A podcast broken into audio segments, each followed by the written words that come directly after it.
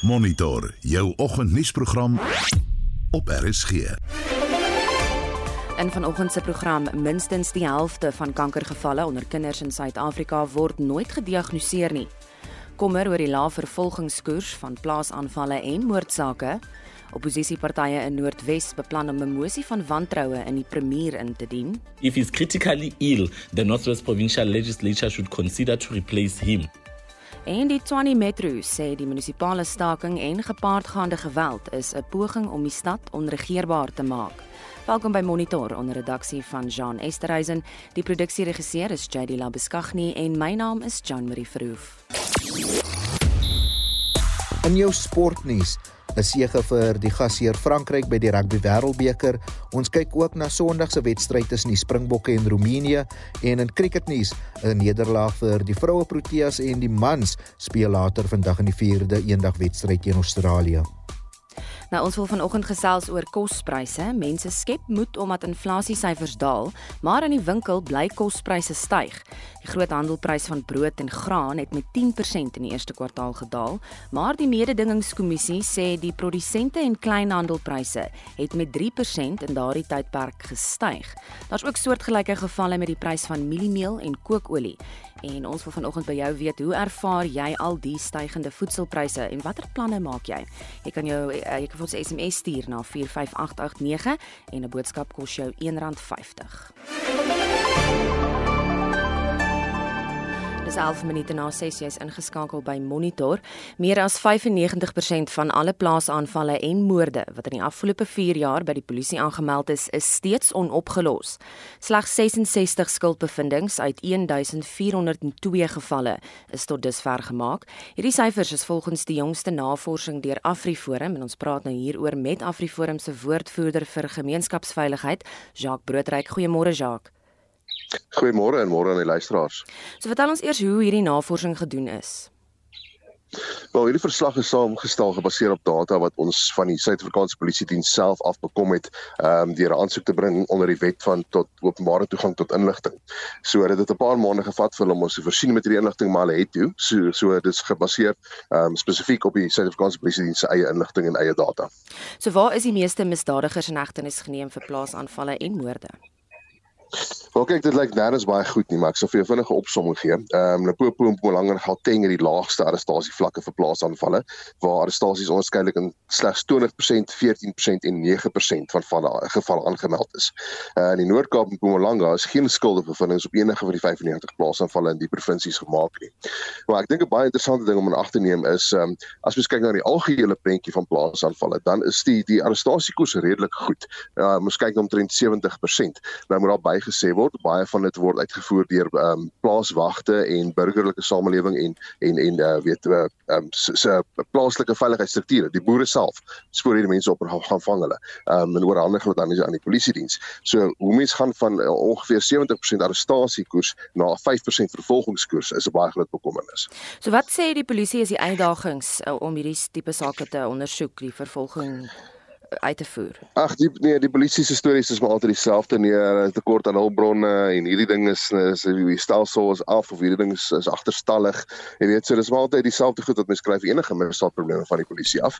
Ehm uh, maar dit is hoekom dit hoekom ons sê jy gaan kyk hoe Afriforum sy eie kapasiteit kan uitbrei om meer privaat ondersoek ehm um, werk te begin doen in die, in die verband met plaasaanvalle. Want duidelik word daar die die die die die die, die arrestasies word uitgevoer, die misdadigers word net so oorgehandig aan die polisie en dan verlaat val hulle die pap op die vloer. Ehm um, so daarom in daai ondersoekproses en die die hantering van die toneel, die hantering van die van die bewysstukke dat daar is iewers 'n baie groot probleem.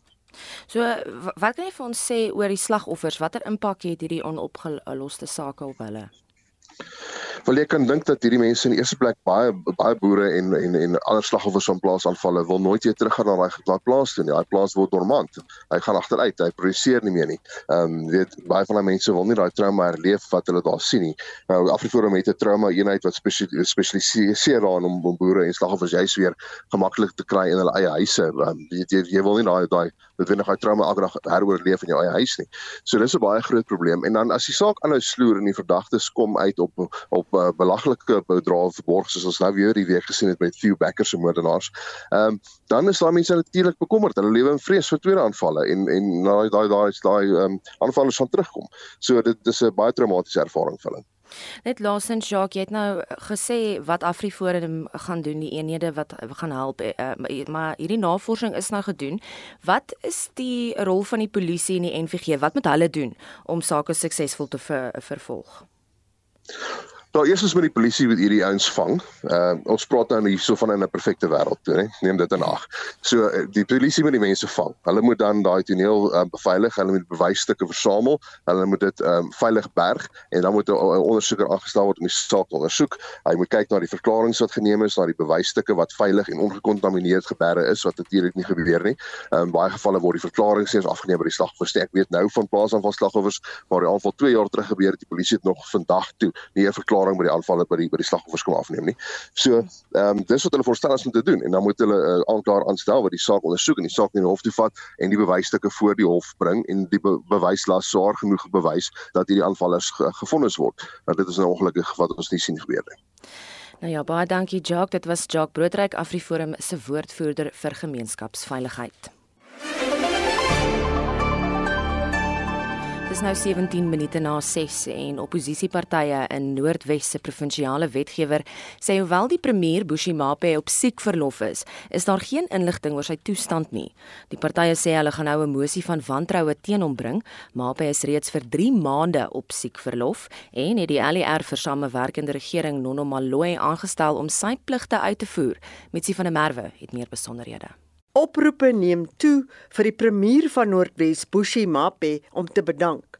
Mape is 3 maande gelede op siekverlof geplaas nadat hy 'n klein ortopediese prosedure ondergaan het. Hy het hierna verlengde mediese verlof gekry.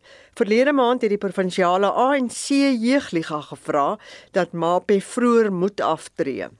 Mape se afwesigheid uit die werkplek is met die toestemming van 'n mediese dokter. Die DA sê terwyl die premier se doen en late onbekend is, is sy kantoor doodstil. Freddy Sonakile is die DA leier in die provinsiale wetgewer. The recent calls for his removal are rather opportunistic since we have long said that he's not fit for the job and should have been removed when he saw nothing wrong with the province's killer potholes. If he's critically ill, the Northwest Provincial Legislature should consider to replace him. Die provinsiale woordvoerder van die EFF van Non Moema sê die ANC moet 'n besluit maak oor Mape se toekoms. He must be declared medically incapable if indeed uh, he remains old and frail. If, if indeed his sickness is the one that is halting him from doing his or performing his actual duties as the premier of the province. And if that's not the case, also he must be held accountable for having hiding behind the acting premier due to political reasons while he's the one who's actually who's the actual person uh, appointed to lead as the premier of the province. Die ANC beskuldig die oppositie daarvan dat hulle geen meevoeling met die premier het nie. Die provinsiale woordvoerder van die ANC, Tumelo Maropeng, sê die oppositiepartye moet wag tot Mape gesond is. You don't put the emotion of no confidence when a person is down and sick, but you put the emotion of no confidence in an event a person appointed to execute his responsibility is unable to do so or is not uh, effective in that uh, responsibility. Now, Comrade Bushimape is at home, is still recovering, and the labor relations of our country allows for a person to be given that sick leave if he or, or she is, is unable to execute his or her uh, duties in terms of the health issues. So, so inhuman, so insensitive.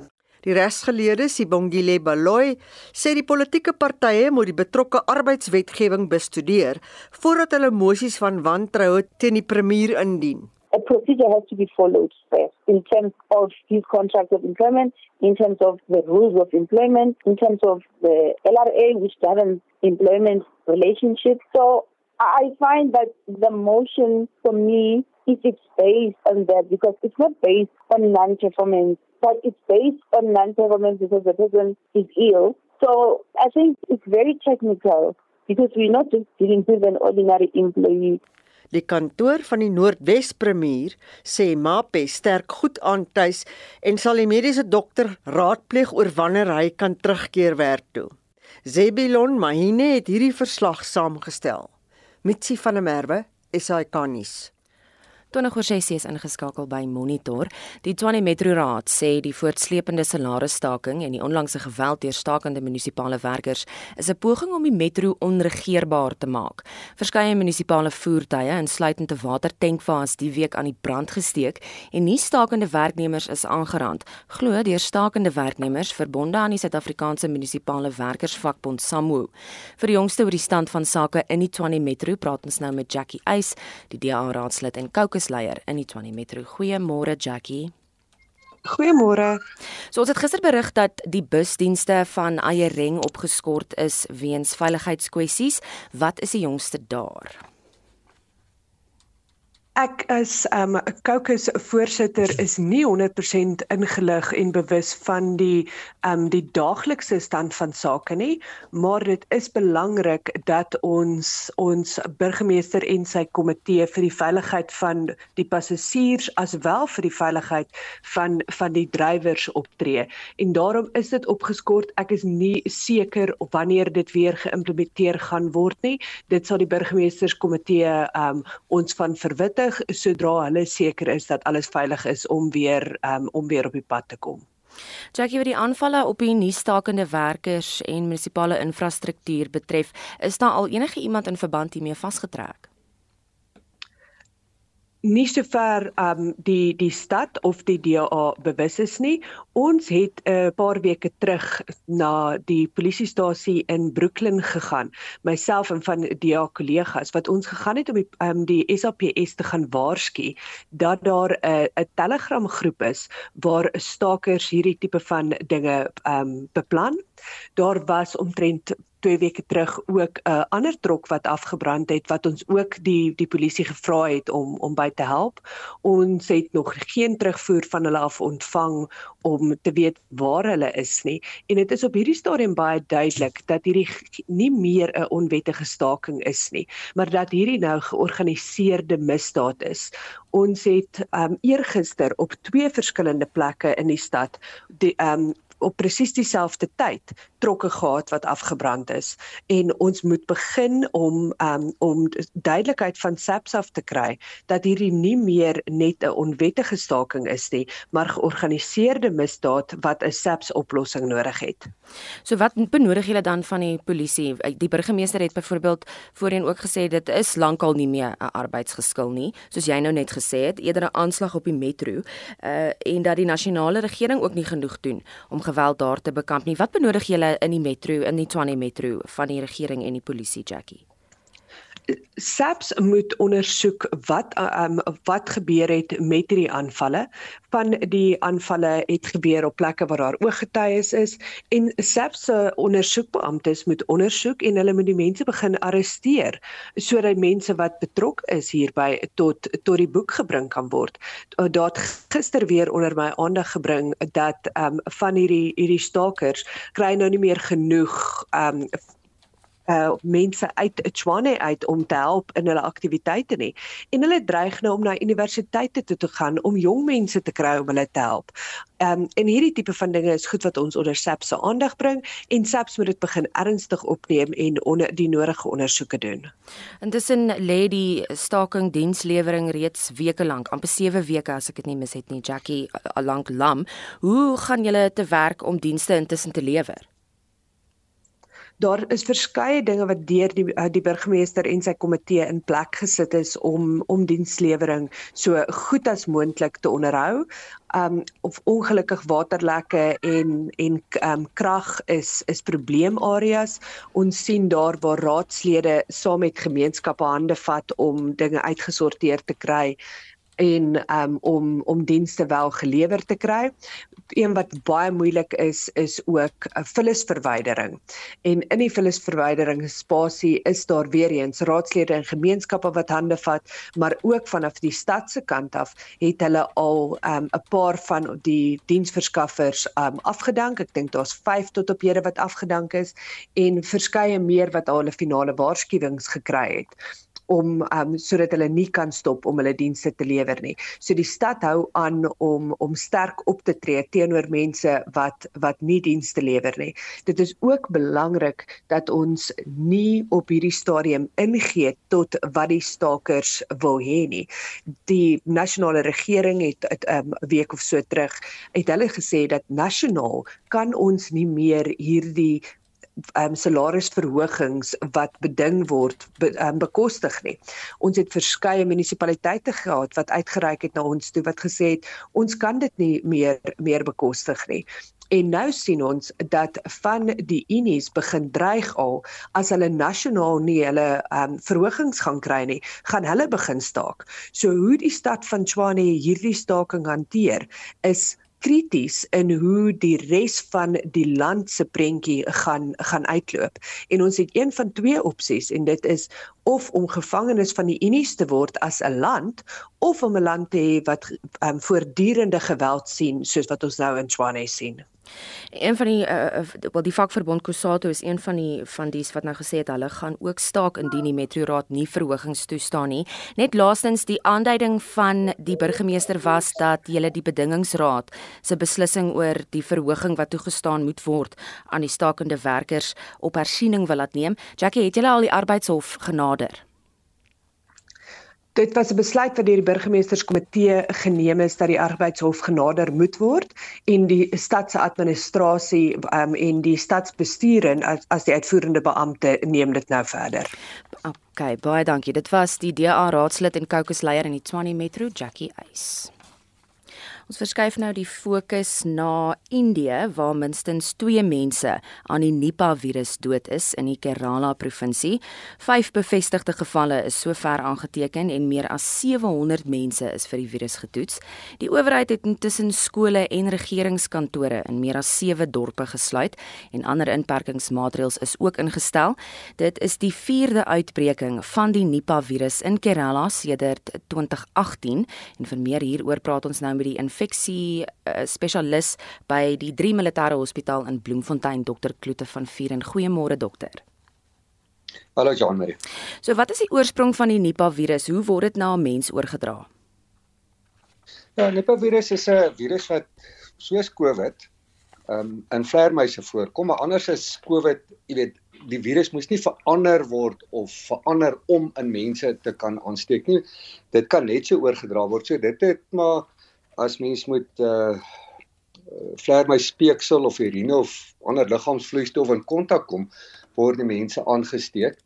En uh die ander interessante ding is jy weet hierdie kan jy nou besef dis 'n ouer virus want dit kom nog uit die era uit toe virusse vernoem is na die plek waar dit die eerste keer gesien is. Nipah se dorpie in Maleisië waar daar in 1998 'n uitbraak was waar uh, vleermuise varke aangesteek het en die varke dan die boere of die mense wat werk met die varke aansteek en uh so dis heeltemal anderster as COVID in daai opsig. En die sterfte syfer met uh Nipah virus is eintlik baie hoog. Jy weet daar's uh 50 tot 90% van mense wat dit aansteek gaan dood. So dit is dis totaal iets anders as COVID. So is al 'n enstof vir hierdie virus of nie? Nee, daar's nog glad nie enstof vir hierdie virus nie. So die manier hoe hulle die verspreiding verkeer is maar hierdie kontak voorkoming, nê, nee, waar jy jou hande uh, was, maskers dra en net keer dat jy met siek diere in aanraak kom. Uh dis die standaard goed. En mense kan nou sien, jy weet, as ek vir jou sê daar's 1998 die eerste keer dit beskryf en daar was nêrens nog ooit wêreldwye uitbrake hiervan nie dan is die omdat dit uh, nie so aansteeklik is nie, maar die mense wat siek word baie erg siek word, is dit eintlik makliker om die verspreiding te keer en te beperk tot sekere gebiede en daarom te keer dat daar wêreldwyd uitbrake voorkom. Wat is die tipiese simptome van die Nipah virus? Ja, dit is maar soos enige virusinfeksie, uh, is dit maar koors en hoofpynne, maar dan omdat hierdie virus meer 'n mens se brein infekteer, so dit gee wat ons noem 'n enkefalitis, lei dit dan tot epileptiese aanvalle wat later dan lei tot koma en dan sterf die mense dikwels daaraan. Baie dankie. Dit was dokter Kloete van Vieren, 'n infeksie siekte spesialis by die 3 Militêre Hospitaal in Bloemfontein. Jy luister na Monitor elke weekoggend tussen 6 en 7. Dis half 7 en in die tweede helfte van die program Navorsing toon die stygende lewenskoste dra 'n groot mate by tot die agteruitgang van Suid-Afrikaners se geestesgesondheid. Die vroeë diagnostisering van kinderkanker is in die kollig en ons praat met die oud Springbok Andrei Andrei Pretorius oor die Bokke se komende Wêreldbeker wedstryd teen Roemenië. Bly ingeskakel hier op RSG. Ons wil vanoggend by jou weet hoe jy al die stygende voedselpryse ervaar en watter planne jy maak. Samuel Walters skryf op die SMS-lyn vir ons: "Die kospryse bly styg. Ek hoop op groot ek ek koop op groot maat en ek het 'n spens as ook my eie groentetuin met spinasie, kool, boontjies, eie en tomaties. So hy maak daar sy eie plan. Jy kan ook vir ons uh, sê wat jy doen om die stygende voedselpryse uh, teen te werk en watter planne jy maak. Jy kan vir ons 'n SMS stuur, die nommer daar is 45889 en 'n boodskap kos jou R1.50. 34 minute na 6 is ingeskakel by Monitor. September is nasionale kinderkankerbewustheidsmaand en vanjaar word daar klem op die vroeë diagnostisering van kinderkanker geplaas. Ons praat nou hieroor met Dr. Johan Riedeman, die hoof van Crayon, 'n spesialis eenheid vir pediatriese, adolessente en jong volwasse onkologie. Goeiemôre dokter. Uh, Goeiemôre Jamie, ek hoop dit gaan goed en uh, môre môre aan al die al die luisteraars. So volgens julle navorsing word minstens die helfte van kankergevalle onder kinders in Suid-Afrika nooit gediagnoseer nie. Wat is die redes hiervoor? Ja, so dis maar dit is 'n komplekse en en ek dink multifaktoriële probleem en en as jy gaan kyk na die groot studies oor see, Harvard Mediese Skool studies waar ons sien meer as 500 meer as 400 000 gevalle wêreldwyd oor 'n tydperk waarvan omtrent die helfte gediagnoseer word, is hierdie fokus maar op uh, laer middelinkomste lande en laer inkomste lande. So, ehm um, die statistiese vooruitskattinge vir tussen 2015 en 2030 is dat tussen 40 en 50% van kinderkankers ongediagnoseer sal bly en verskil natuurlik van die vlak van jou land se inkomste. So die redes is kompleks kompleks en multifaktoriaal.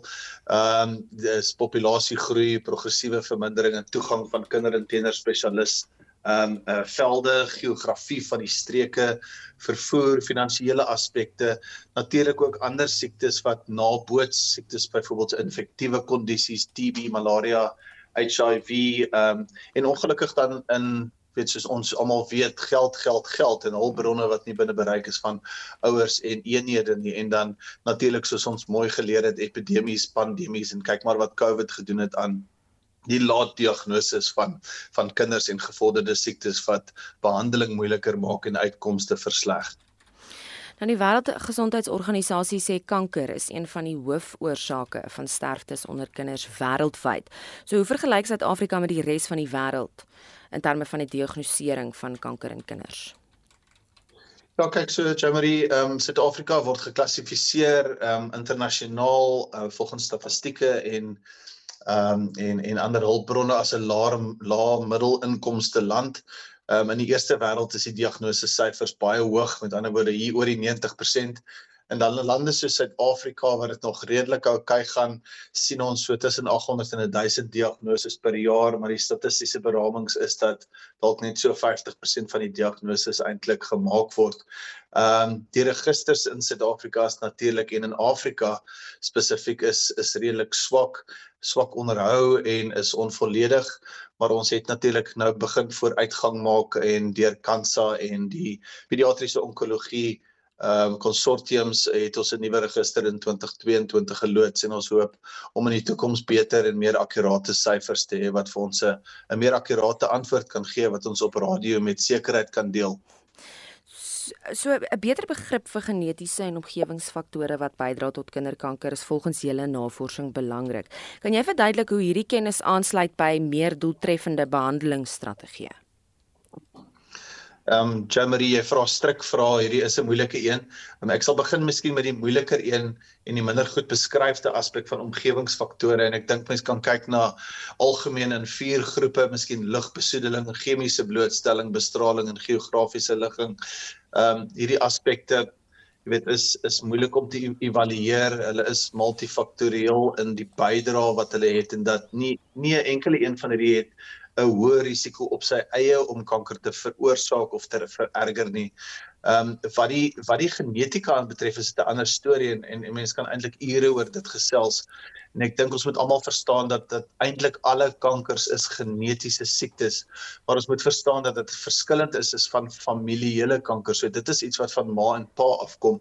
So hierdie is redelik rar. Ons sien dit in Ons sien dit in sekere gevalle in sekere sindromiese kondisies soos Liframini sindroom, neurofibromatose, selfs in iets soos Down sindroom waar wat nie noodwendig oor erflik is nie, maar waarin sekere siekte toestande daar verhoogde risiko is vir uh vir die insidensie van spesifieke soorte kankers veral in kinders en dan in tieners. Ehm um, So verseker kyk die kankersel se vingerafdruk kan deesdae gemeet word. Ons het vooruitgang gemaak en hierdie voorspellings van die molekulêre vingerafdruk gebruik ons dan om chemosensitiwiteit, sensitiwiteit vir bestraling en dan besluitneming oor getekende terapie en en immunoterapie te kan maak. So ja, so ons is lekker in die in nou die era wat ons in die postgenomiese era van presisie onkologie. So voor ek jou groet dokter, kan jy vir ons sê waar voor ouers en versorgers kan uitkyk? Wat is die vroeë aanduidings of simptome wat gepaard gaan met met moontlike kinderkanker? Ja, so die die die vermoede en diagnose van 'n kinderkanker is 'n selde 'n enkele simptoom, né? Dit hang af van die ligging van die kanker en as 'n mens nou spesifiek ehm um, die kinderkankergroepe in die AYA, soos ons praat die adolescent young adult oncology groepe, miskien opdeel in drie dele, so jy kry jou bloedkanker, so die leukemies, jy kry jou neurologiese kankers, breinkankers en jou limfomas, so soliede kankers van die van die klierstelsels. Dan sal ons sê dit gaan dit gaan dit het te doen met simptome van sistemiese aard. Met ander woorde, kinders wat byvoorbeeld maklik kneus, ehm um, kinders wat altyd moeg is. In Engels praat ons van failure to thrive. Kinders wat nie gewig wil optel nie, swak presteer op skool. Ehm um, in breinkankers kyk mense na neurologiese simptome, hoofpyn, duiseligheid, 'n oogie wat dalk miskien altyd normaal was en ewe skielik begin skeef kyk, balansprobleme, bewerasies in die handjies. Ehm um, en natuurlik algemene goeders, obvious goeders, né? Ehm um, soos 'n massa wat ge gevoel kan word. Ehm um, so die ek dink die die simptome wat 'n ouer en 'n kind dalk gaan gaan visueel ervaar is is legio. Ehm um, maar die belangrike ding dat is dat ons hoef nie paniek te saai oor dit nie. Ek dink die belangrike ding is om net bewus te wees en om ehm um, indien jy bekommerd is jou jou jou jou ehm um, gesondheids gesondheidshulp te gaan soek. Baie dankie. Dit was dokter Johan Riedeman, hy is die hoof van Cryon, 'n spesialis eenheid vir pediatriese adolessente en jong volwasse onkologie.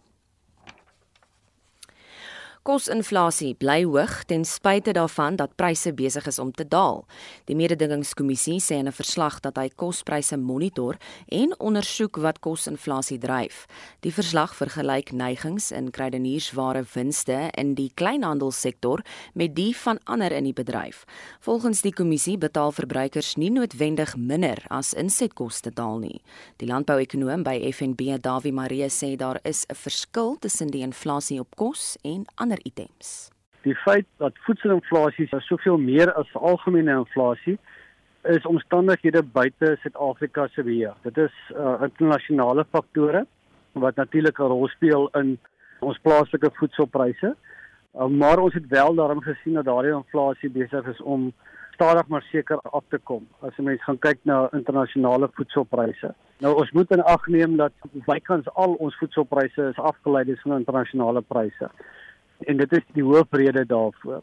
Groothandelprys van brood en graan het met 10% in die eerste kwartaal gedaal, maar die kommissie sê die produsente en kleinhandelspryse het met 3% in dieselfde tydperk gestyg. Daar is soortgelyke ja. gevalle met die prys van mieliemeel en kookolie. Die rede daarvoor is hulle kyk na 'n produsenteprys en dan kyk hulle op die einde na 'n verbruikersprys wat hulle in ag moet neem is tussenin is daar waardeketting waarin ons ander koste stygings gesien het. Onder andere brandstofpryse, elektrisiteitspryse het intussen opgegaan in April vir Eskom gebruikers en in Julie vir munisipale gebruikers. En daardie faktore speel natuurlik ook 'n rol. So dit is alles in die waardeketting wat ons ook hierdie verdere koste stygings gesien het. So nou sê die verslag ook en ek, jy het nie 'n doktorsgraad nodig om dit uit te werk nie dat die beerkragmaatskappye meer geld kos en hulle moet die hoër pryse verhaal. Nou dink jy hierdie situasie kan bestendig word of 'n stygings die tendens vir die toekoms? Ongelukkig, as mens gaan kyk na hoe beerdkrag uitspeel op hierdie stadium, dink ek dit gaan binnekort afneem nie. Wat beteken dat voedselverwerkers en almal wat in die waardeketting is, gaan nog steeds meer moet betaal om die ligte aan te hou of die masjiene aan te hou om kragopwekkers te hardloop en so. En wat daarmee saamgaan is natuurlik die geweldige stygings in dieselpryse wat ons in September gesien het, meer as R2.60 en dan natuurlik verwag ons vir Oktober waarskynlik nog 'n stygings. So ek dink daardie druk is nog verder op die voedselverwerkings en die kleinhandelaars en op 'n manier met hulle soos jy gesê het, hulle moet erns daardie koste stygings verhaal en dit ongelukkig vloei deur na die produsent of die verbruiker toe. Die kommissie kyk hoe die daling in ander pryse vinniger in kospryse kan weerspieël. Is dit moontlik? Mens ek dink ongelukkig gaan dit nie vinnig moontlik wees nie, net as ons gaan kyk na brandstofpryse. Ons weet dat sodra die brandstofprys styg, dan styg alle kostes soort van onmiddellik. Uit die aard van die saak die direkte koste en dan ook die indirekte koste volg so maand of 2 maande verder aankom dit ook nou nog weer. Maar wanneer die brandstofprys daal, volg daardie daling nie so vinnig in die prysdaling van voedsel nie, want verwerkers en kleinhandelaars moet nou eers hierdie koste wat hulle voorheen geabsorbeer het, moet hulle nou eers weer bietjie verhaal. So ek dink vir die volgende paar maande gaan dit definitief nie so vinnig afkom nie. En so sê Dawie Marie, 'n landbou-ekonoom by FNB en hy het met Mitsi van der Merwe gepraat kwart voor 7 en die stygende lewenskoste in Suid-Afrika en die gepaardgaande verswakking van huishoudelike finansies dra 'n groot mate by tot die agteruitgang van mense se geestesgesondheid. Volgens die skuldberadingsmaatskappy Debtbusters se Julie 2023 peiling genaamd Money Stress Tracker, beleef 3 uit elke 4 Suid-Afrikaners geldverwante stres. Dis 'n toename van 12% vergeleke met verlede jaar se peiling. Ons praat nou hieroor met Sumarinel, sielkundige by die Noord Noordwes Universiteit se Sentrum vir Gesondheid en Menslike Prestasie. Prestasie. Goeiemôre Sumari. Goeiemôre aan almal. So meer as 35000 mense het aan die peiling deelgeneem en veral vroue het aangedui dat hulle swaar trek. Wat dink jy is die redes hiervoor? Ek dink daar kan verskeie redes wees, maar dit kan insluit die verhoging in pryse van goedere, verlies aan werk verandering en in familiesisteme en so meer. So watter invloed kan voortdurende finansiële stres op mense se algemene gesondheid hê? Voortdurende stres uh, kan 'n negatiewe effek op algemene gesondheid hê omdat dit gekenmerk kan word as kroniese stres. Dit kan begin om alledaagse aktiwiteite in verskeie areas van jou lewe te affekteer en die langtermyn aktivering van jou stresresponsstelsel en die oormatige vrystelling van kortisol en ander streshormone kan ook lei tot die verswakte immuunstelsel wat dan die risiko's kan verhoog vir fisiese gesondheid en aan die ander kant moontlik ook lei tot ander geestesgesondheid toestande. So Sumari die selfe peiling toon dat individue met ernstige skuld dikwels met gevoelens van vrees en skaamte worstel. Kan jy verduidelik hoe die gevoelens kan uitkring of dalk kan lei tot verswakte besluitneming of ja, in ander aspekte van jou lewe? Ja, as jy kyk na vrees, kan 'n persoon um, so oorweldig raak met vrees dat hulle amper tot 'n mate heeltemal onttrek van besluite neem of hulle word so huiwerig dat angstigheid so verhoog en dit dra ook by tot die moeilikheid om besluite te neem. Skaamte aan die ander kant kan gekoppel word aan 'n individu se selfbeeld of jou selfkonsep wat dat hulle moontlik ook persoonlike teleurstelling ervaar weens die huidige situasie of dat hulle vrees vir wat wat ander gaan dink of sê van die omstandighede ook 'n rol speel en dus kan besluitneming 'n oorweldigende taak word vir sulke individue. Dit sluit dalk aan by die volgende vraag um, oor die finansiële bestendigheid en geestesgesondheid. Die twee hou definitief met mekaar verband. So kan jy ons help verstaan wat die implikasies vir ons ekonomie is wanneer daar grootskaalse onbehandelde geestesgesondheidsiektes is? Ja, en daar is ook verskeie redes, maar, maar ons moet ook dink aan dat dit is 'n daar is 'n impak van onbehandelde behandelde geestesgesondheid en um ook verskeie areas in Suid-Afrika het beperkte hulpbronne en finansiële vermoëns tot die uitreik vir hulp met geestesgesondheid. En die impak van hierdie geestesgesondheid kan lei tot sekere individue wat moontlik nie meer kan werk nie of nie meer effektief hul werk kan doen nie wat 'n besigheid so ook negatief kan beïnvloed en 'n besigheid het weer verantwoordelikheid ook vir verskeie individue en gesinne en 'n voorbeeld wat ons hieraan kan dink is die impak van uitbranding op individue en dan op die besigheid. So wat is jou raad met betrekking tot die bestuur van angs en gevoelens van depressie wanneer dit kom by goed soos die wat buite jou beheer is? Ja, ons weet dat die meganisme wat angs dryf is beheer en angs en depressie loop baie dikwels nou um aan mekaar en dit is belangrik dat ons onthou dat daar sou altyd goed wees wat ons kan beheer en goed wat ons nie kan beheer nie. En ons moet ons fokus op dit wat ons kan beheer, goed genoeg bestuur want dit verlaag die simptome van angs en dan ook coping vaardighede aan te leer vir dit wat ons nie kan beheer nie, maar ook om te waak daarteenoor dat ons probeer om dit wat ons nie kan beheer nie ook sodoende nie te beheer nie want dit sal daai gevoelens van hulpeloosheid ook kan ehm um, verlaag. Baie dankie. Dit was Sumarinel, 'n sielkundige by die Noordwes Universiteit se Sentrum vir Gesondheid en Menslike Prestasie. Hierdie sportbulletin word met trots aan jou gebring deur SABC Sport, die amptelike radio-uitsaier van die Rugby Wêreldbeker Frankryk 2023. Jody Hendrik sluit nou by ons aan vir die jongste sportnuus. Goeiemôre Jody. Goeiemôre Joan Marie. Ons begin met cricketnuus van ons mans en vroue spanne. Ja, die vroue Proteas het gisteraan die reeks teen Pakistan met 'n nederlaag van 8 balkies afgesluit. Hulle wen egter die reeks 2-1 met Nadine de Klerk wat as speler van die reeks teen Pakistan aangewys is. Dan kom die mans later vandag in die 4de eendagswedstryd teen Australië te staan. Hulle veg vir oorlewing want hulle is 2-1 agter in die reeks van 5 maar Keshev Maharaj, die draaibal bowler van die Proteas, sê die plat op Supersport Park waar hulle vanmiddag speel kan moontlik 'n groot verskil maak. Yeah, I think in, in, general the traditional super sport wicket doesn't really assist spinners too much. We haven't, well, I haven't looked at the wicket as yet, but I know the coach and them are busy with that right now. We haven't actually named our team as yet, so you know we'll only know uh, later today. Fingers crossed. Hopefully, uh, you know we can expose the double spin, but uh, you know, like I said, it's conditions based on how the wickets read. Ons beweeg na die sokkerveld. Slegte nuus vir Jaden Sancho by uh, Manchester United. Ja, onsekerheid heers oor Sancho se toekoms by die Rooi Duivels. Hy is gister deur die spanbestuur gevra om vir die onmiddellike toekoms op sy eie te oefen.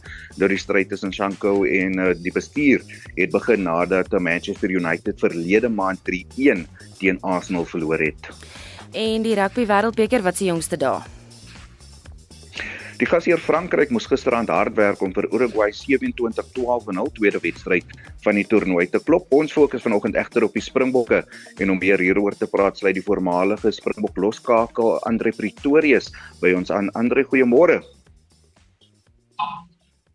Jy hoe gaan dit? Nee, baie goed, baie goed. Andre, kom ons praat gou oor die bokke. Ehm um, as ons kyk na die wedstryd teen Skotland, eh, moet ons bekommerd wees oor ons stelskoppe by die toernooi? Yes, as jy kyk na die resultate, moet jy seker sê ja. Ek dink die feit dat dit nie 'n maniese se wedstryd ingemeng het in terme van hoe hy verdedig het en hoe hy aangeval het, beteken hy's hy's redelik volwasse wat dit betref want dit kan partykeer gaan as jy stelskop swak is dan kruip dit in jou game in en dan uh, dan is dit die res van jou wedstryd ook af. So die feit dat dit nie gebeur het nie sê vir my hy is redelik volwasse wat dit betref. Ek dink hy sal hard werk aan sy skoppe, maar ek dink wat Sina gedoen het in daai een perskonferensie om vir vir Mani op te kom beteken meer as enige 100% skop game wat hy ooit gespeel het. Dit sal vir hom nogal baie selfvertroue gee dink ek. Kom ons kyk terug na die wedstryd die komende naweek teen Roemenië. Damian Willemse wat die keer op loskakel gekies het, 'n ander tipe speler as Mani Lebok. Ja, ek dink Damian Damian het gewys hy kan hy kan daarso speel. As 'n veelsidige speler kan hy op 'n tydjie bietjie in verskillende posisies ingedruk word as hy ou as hy ou voel hy wil dalk spesialiseer, maar dat hy die werk kan doen op 10, ek dink dis ook die regte wedstryd om hom op 10 te speel. Sou ons hom later nodig het, daarso dan beteken dit hy het 'n paar of hy het minute op 10 gehad. So ek dink is 'n goeie ding. Dan vier skramskakels in die wedstryd 23. Ek is seker um, Grant Williams op vleuel natuurlik, maar erkende skramskakel dan ook ek dink jy Faf gaan speelkans kry op losskakel moontlik in die wedstryd gegee wat nou in die groep gebeur. Ek dink verseker so, ek dink hulle gaan definitief mense of spelers op sekere posisies wil hê dat dit vir hulle later in die kompetisie nie ehm um, 'n nuwe 'n nuwe ervaring of 'n nuwe gevoel is nie. En uh, Jody soos dit skramskakels ken, dink ek sal hulle sê daar moet 15 skramskakels in 'n span wees. So ek dink die skramskakels is baie gelukkig hiermee. Uh, dink jy Malcolm Marx se uh, besering gaan die Springbokke raak moontlik later in die toernooi en hoe dink jy moet hulle 'n plaasvervanger kies, 'n spesialis hakker want daar's nou ook sprake dat 'n uh, moontlik Andre Pollard 'n terugkeer kan maak. Ja, ek dink met die beplanning om Malcolm as jy gaan kyk na sy geskiedenis, soos hulle in Engels sê sy durability is iets uitsluits. Hy hy kry net nie seer nie en dit was seker maar net een van daai dinge wat nou gebeur het en die beplanning op Malcolm is gewoonlik hy is daar. Jy jy, jy sien nie sommer 'n span sonder hom of is op 'n groep sonder hom nie. So wat hulle vorentoe gaan doen, ek sien Mark van Staden net nou die dag sy ingooi geoefen, Dion Fourie natuurlik daar en dan natuurlik Bongie. So ek ek dink dit gaan alles met gaan oor hoe hulle hulle beplanning doen vir vorentoe en hoe hulle wil speel sal bepaal watter tipe speler gaan inkom maar jy jy kan nie sonder lynstaande gaan nie so 'n spesialis 'n spesialis haker sal nie 'n fout wees nie. Dan andersins, hoe dink jy moet die Bokke die wedstryd die naweek teen Roemenië benader? Dit is 'n belangrike wedstryd gegee vir die konteks van die Wêreldbeker en Groep B. Ek dink ou moet net versigtig wees om in te gaan in jouself. Jy weet 10 minute en 'n half tyd laat Roemenië dink hulle is hulle is wel in die wedstryd, maar dan raak dit dan raak dit baie meer fisies. Dit raak moeiliker. Jy jy sit jou die lywe deur meer as wat dit moet gaan. Ek ek dink nie dit gaan net 'n maklike wedstryd wees nie en ek dink die bokke moet dit ook so sien en ek dink hulle sien dit ook so. Dit is 'n wêreldbeker. Ek dink Rassie en Jacques is baie uitgeslaap wat dit goed betref en hulle sal seker maak dat hulle op hulle beste is op die dag en en en nie Roemenië onderskat nie. Dit is 'n wêreldbeker span, so respekteer hulle. Dan my laaste vraag, wie is die ander spanne wat jy oorgevang het tot dusver? Ons dink byvoorbeeld aan die gasheer Frankryk. Gisterand moes hulle hard werk om vir Uruguay 27-12 uit te oorlê en dan ook 'n um, dalk 'n mening oor die All Blacks span. Dink jy hulle is onder druk?